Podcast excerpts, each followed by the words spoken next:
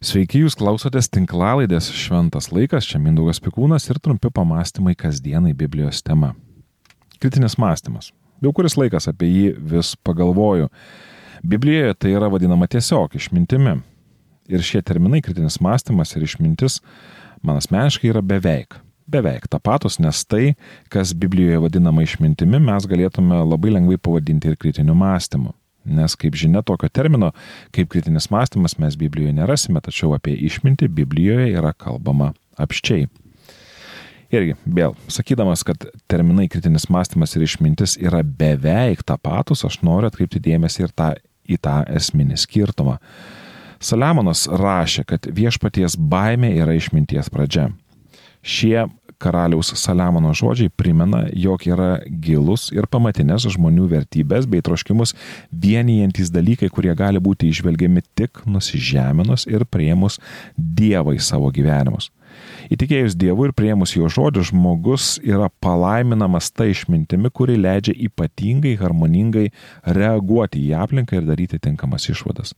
Todėl savotiškai išmintis yra Dievo dovana ir galima pasakyti, jog skiriasi nuo kritiniam mąstymui būdingų įpročių, kuriuos gali praktikuoti ir Dievu netikintys asmenys.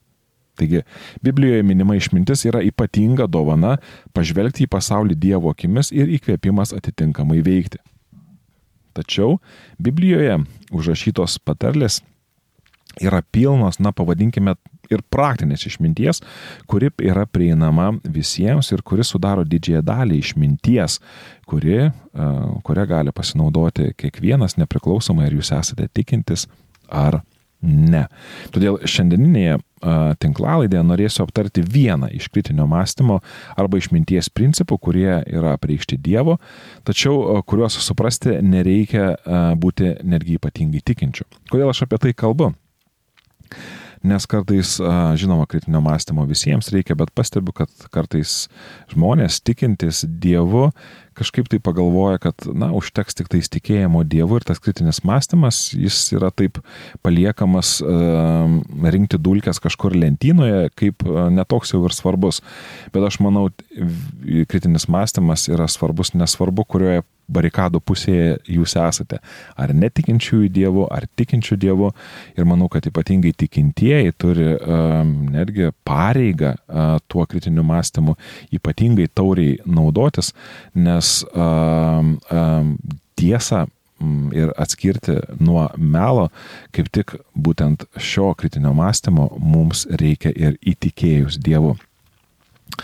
Ir prieš pradėdamas, pirmiausia, aš aišku norėčiau paminėti gerąją naujieną arba gerąją žinią susijusią su kritiniu mąstymu. Tai yra tai, kad kritinio mąstymo yra išmokstama jei paisoma tam tikrų taisyklių ir naudojamės tam tikrais uh, principais, primdami ir vertindami mus pasiekiančią informaciją, tai su laiku tai tampa mums naudingų įpročių, bei su kiekvieną dieną darosi vis lengviau. Ir e, ši mano taip pavadinta gera žinia primena, jog nėra palaimintųjų, kurie tiesiog palaiminti išmintimi ir prakeiktųjų, kuriems sveikos nuovokos arba kritinio mąstymo ar išminties, na, tiesiog neduota. Esame visi skirtingi, tačiau šie skirtumai nereiškia, kad jau yra nulemta, kas auks išmintyje, o kas pražus savo kvailome. Ir aišku, tą gerąją žinią susijusią su kritiniu mąstymu aš ką tik paminėjau, kad jo išmokti ir jo vadovautis gali kiekvienas, tai įgūdis, kuris stiprėja su patirtimi. Tačiau pasakius tą gerąją žinią, privalau pasakyti ir blogąją naujieną, kuri dažnai eina kaip brolis arba sesė dvynė su kiekvienu geru dalyku šitoje nuodėmingoje žemėje. Istorijos profesorius Timotis Snadris vienoje iš savo paskaitų Jeilio universitete, kalbėdamas apie Ukrainos istoriją, iškelia mintį, kad Ukrainos istorija yra labai svarbi ne tik suprantant praeities istorinius įvykius, tokius kaip e, vikingų atsivertimą į krikščionybę, reformaciją, pirmąjį pasaulinį karą, Stalino terorų grįstą valdymą, holokaustą ar net Tarybų sąjungos žlugimą, bet ir suprantant tai, kas vyksta dabar karo su Ukraina kontekste. Ir pasak profesoriaus, Ukrainos svarba dažniausiai yra ignoruojama kaip tik dėl to, kad yra visa ko centre. Nes, pasak profesoriaus, yra sunkiausia pastebėti tai, kas yra svarbiausia, nes tai, kas svarbiausia, dažnai yra ir tamsiausia. Citatos pabaiga. Pasak profesoriaus Timothy Snyder, um, atsiranda pavojus iš istorijos išbraukti tai, kas yra būtina ir ką reikia pamatyti. Taigi istorikams čia reikia nemažai kritinio mąstymo, nuolankumo ir pastangų, ne tik renkant informaciją, bet ir ją sąžiningai įvertinant. O šiandien noriu pasinaudoti šią istorijos profesoriaus mintimi ir perspėti, kad bloga žinia, kalbant apie kritinį mąstymą, yra ta, kad dažnai mums yra sunkiausia pamatyti tai, kas yra svarbiausia. Nes tai, kas yra svarbiausia, galimai nėra malonu. Tiesos paieškos yra vienintelis kelias vertas mūsų viso gyvenimo. Tačiau šis kelias yra ir su savo pavojais. Ir vienas didžiausių pavojų yra tamsa kurią mums gali būti malonu ignoruoti ir kurią netgi nesąmoningai galime saugoti nuo apšvietimo. Taigi, kritinis mąstymas yra įgūdis, kuris stiprėja jį praktikuojant. Tačiau kritinis mąstymas yra ir samoningumo bei sažiningumo išraiška, kurį noriai galima ignoruoti. Na, o pokalbį apie kritinį mąstymą norėčiau pradėti nuo pirmojo principo, kurį pavadinau taip. Netikėk viskuo, kas yra sakoma. Pamenu, kai 2022 metais buvo aptarinėjamas civilinės partnerystės įstatymas. Seimo posėdžio metu viena Seimo narė, šiuo atveju telieka ji neįvardinta, į kito Seimo nario, kurio taip pat neįvardinsiu klausimą, kokiam skaičiui žmonių Lietuvoje reikalingas partnerystės arba civilinės saugos įstatymas, atsakė kiek yra homoseksualių žmonių šalyje, patikslinti negaliu, bet spėju, kad skaičius galėtų artėti prie milijono. Na, tai nedauguma, bet tikrai reikšmingas skaičius. Citatos pabaiga. Perskaičiau šį Seimo narės atsakymą į klausimą viename iš naujienų sklaidos portalų ir suklusau. Čia yra sakoma, kad Lietuvoje beveik milijonas žmonių laukia civilinės saugos įstatymų, nes jie yra homoseksualūs. Na tikrai nemažai. Nusprendžiau neskubėti tikėti iš karto tuo, kas yra sakoma. Pasidomėjau. Anot oficialios statistikos 2020 metais Lietuvoje gyveno apie 2 milijonus 795 tūkstančius žmonių, iš kurių 25 procentai gyventojų buvo arba jaunesni nei 14 metų, arba vyresni nei 65 metai. Iš viso apie 956 tūkstančiai šalies gyventojų, kuris, um, nu, kuriems civilinės saugos įstatymas tiesiogiai gal ir nėra labai aktuolus. Kas lieka? Lieka visi kiti nuo 14 iki 65 metų, kuriems šis įstatymas galimai yra aktuolus. Iš viso nei daugiau, nei mažiau 1 milijonas 816 750 gyventojų. Taigi, ar buvo Seimo narė teisi teikdama, kad homoseksualių žmonių šalyje skaičius galėtų artėti prie milijono? Jei taip, tai reikėtų, tai reikštų, kad tik pusė Lietuvos gyventojų yra heteroseksualus ir kad kas antras mums žinomas brandos sulaukęs žmogus yra homoseksualus.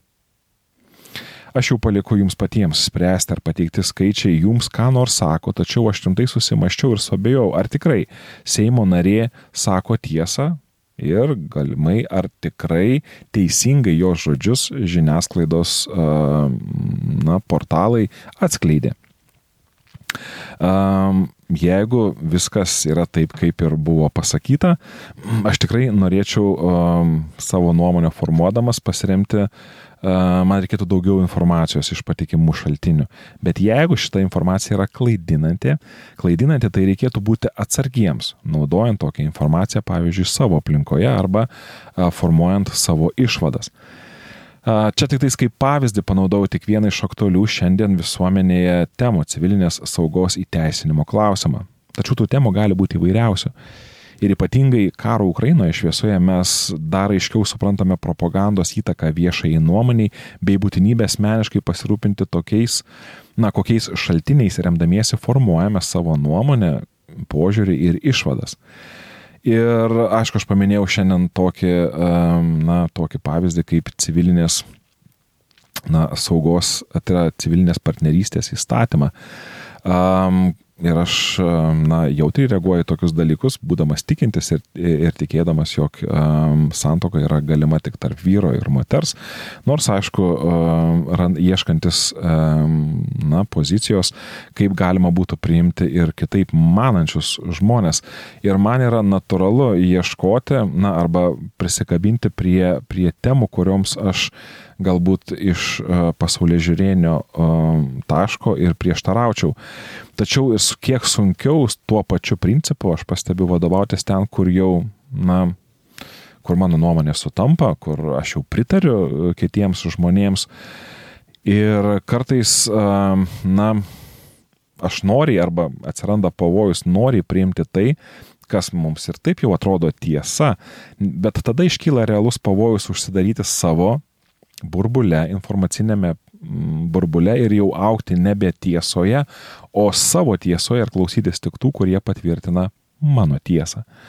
Kartais šis pavojus kyla iš manimo, jog sobejojus savo draugu, savo draugo, kolegos, šeimos nario ar bažnyčios nario žodžiais, tu iš karto imi prieštarauti, netgi uh, uh, neikti tai, kas yra sakoma, o gal, o gal netgi dar daugiau tiesiog netikėti uh, renkiesi. Todėl manau, kad čia reikėtų atsisakyti šios įdingos nuostatos. Sobejoti dar nereiškia atmesti ar nuneikti. Greičiau tai reiškia, kad mes vadovaujamės kilnesniu tiesos principu ir stengiamės įtikti, jei taip galima pasakyti, tiesai, o ne asmenybėms, kad ir kos jos būtų. Esame visi klystantis, todėl net ir draugo ištati žodžiai turėtų būti priimami su tam tikra sveika doze abejonės arba kritinio mąstymo.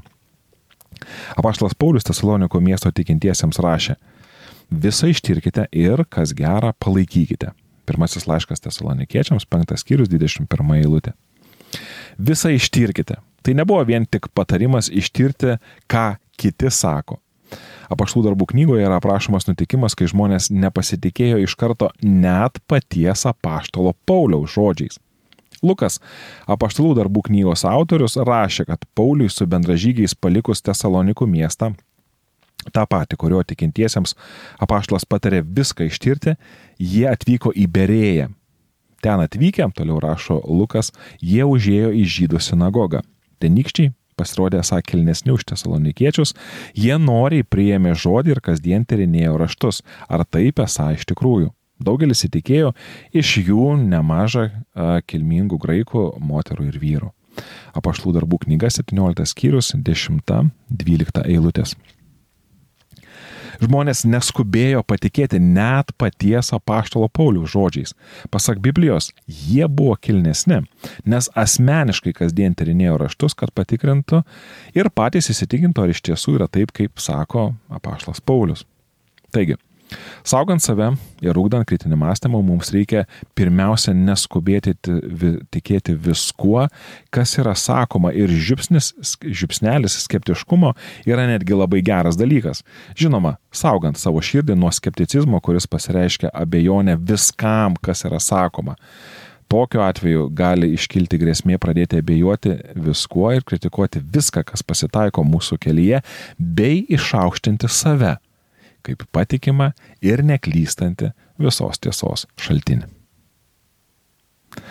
Baigdamas šiandienos tinklalaidę noriu priminti, kad um, mūsų kūriamos tinklalaidės um, pasiekia jūs tik tais dėka to, kad susilaukėme jūsų laisvanoriško rėmimo, kad šių ir įvairesnių tinklalaidžių būtų sukurta daugiau, noriu pakviesti paremti Šventas laikas veiklą per Contribui rėmimo platformą ir žinoma padėkoti tiems, kurie tai jau padarėte.